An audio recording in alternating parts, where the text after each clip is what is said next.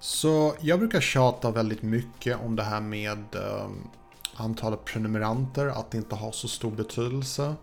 Och idag gör jag ytterligare en sån video för jag har lite andra poäng som jag inte har tagit upp riktigt tidigare. För jag tycker det är väldigt, väldigt viktigt att du förstår vikten av det jag säger. Antalet prenumeranter är inte så stort som du tror. Låt mig förklara varför.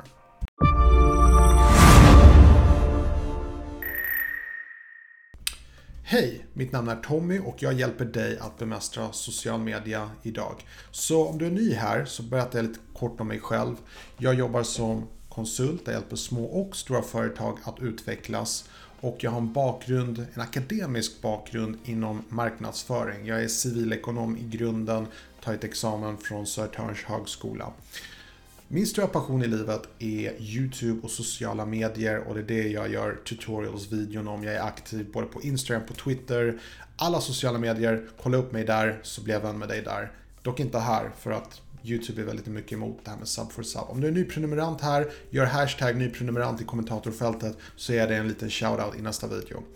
Okej, okay, så dagens video är mer åt YouTube-hållet än något annat. Och det handlar om det här med antalet prenumeranter. Jag tror att många stirrar väldigt blind på någon som Pewdiepie och tänker att det där är världens största YouTuber för han har över 80 miljoner prenumeranter. Så mycket prenumeranter verkar vara det viktigaste här. Men faktum är det att bara för att han har mest prenumeranter är han långt ifrån att ha flest visningar. Det är en enorm skillnad på att ha mycket visningar och mycket prenumeranter. Det hjälper att ha mycket prenumeranter, men du kan i princip ha en miljon prenumeranter och ändå få typ 10 000 visningar per video. Men du kan ha 1000 prenumeranter och ha miljoner visningar per video. Förstår ni skillnaden?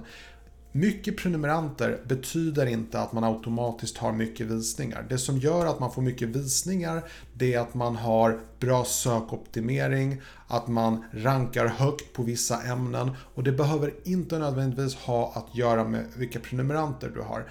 Du kan till exempel vara väldigt framgångsrik YouTuber och ändå ha väldigt få Eh, prenumeranter. Folk kanske känner till dig så pass bra att de minns ditt namn, de minns din kanals namn, de vet vad de ska söka på för att hitta dina videon. De vet att de behöver bara söka på ett visst ämne så kommer de hitta dina videon. Jag har massor med kanaler där jag har mycket visningar av samma människor som dyker upp på mina kanaler men de prenumererar inte på mig för att de ser ingen poäng med det för de vet hur de hittar mig. Det är inte lika viktigt för dem och det är det som är tipset idag att tänk inte på det här med prenumeranter. Om du vill ha prenumeranter så lägg större fokus på att ha få men bra prenumeranter. Och när jag säger bra prenumeranter så menar jag prenumeranter som verkligen kollar på varje video du gör som hjälper dig att ranka högre. Genom att du har nischade prenumeranter som verkligen är intresserade, die hard intresserade av det ämnet du pratar om eller visar upp i dina videon. Det är viktigare än att ha hur många prenumeranter som helst bara för att de såg någon video av dig som de tycker det blev så, så pass intressant att de tycker att det kan vara bra att följa dig.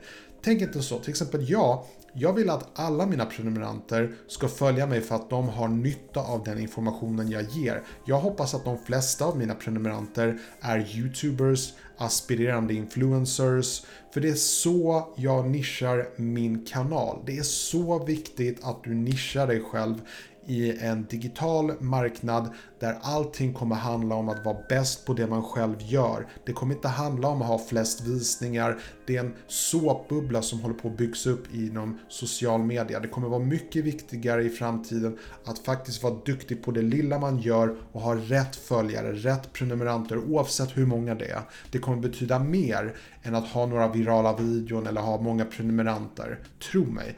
När det händer, när bubblan, såpbubblan spricker, då kommer ni se exakt vad jag pratar om.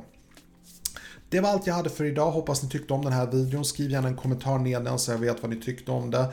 Och sen vill jag passa på att berätta att jag har en massa videon och spellistor om olika tips och tutorials hur man bemästrar social media eller hur man tjänar pengar på digitala produkter, hur man gör en podcast till exempel. Massa bra intressant information som kan vara värdefull för dig. Så kolla in mina spellistor, det är ett tips. Och så ses vi förhoppningsvis i nästa video som kommer imorgon klockan, vilken tid var det? Just det, klockan sju.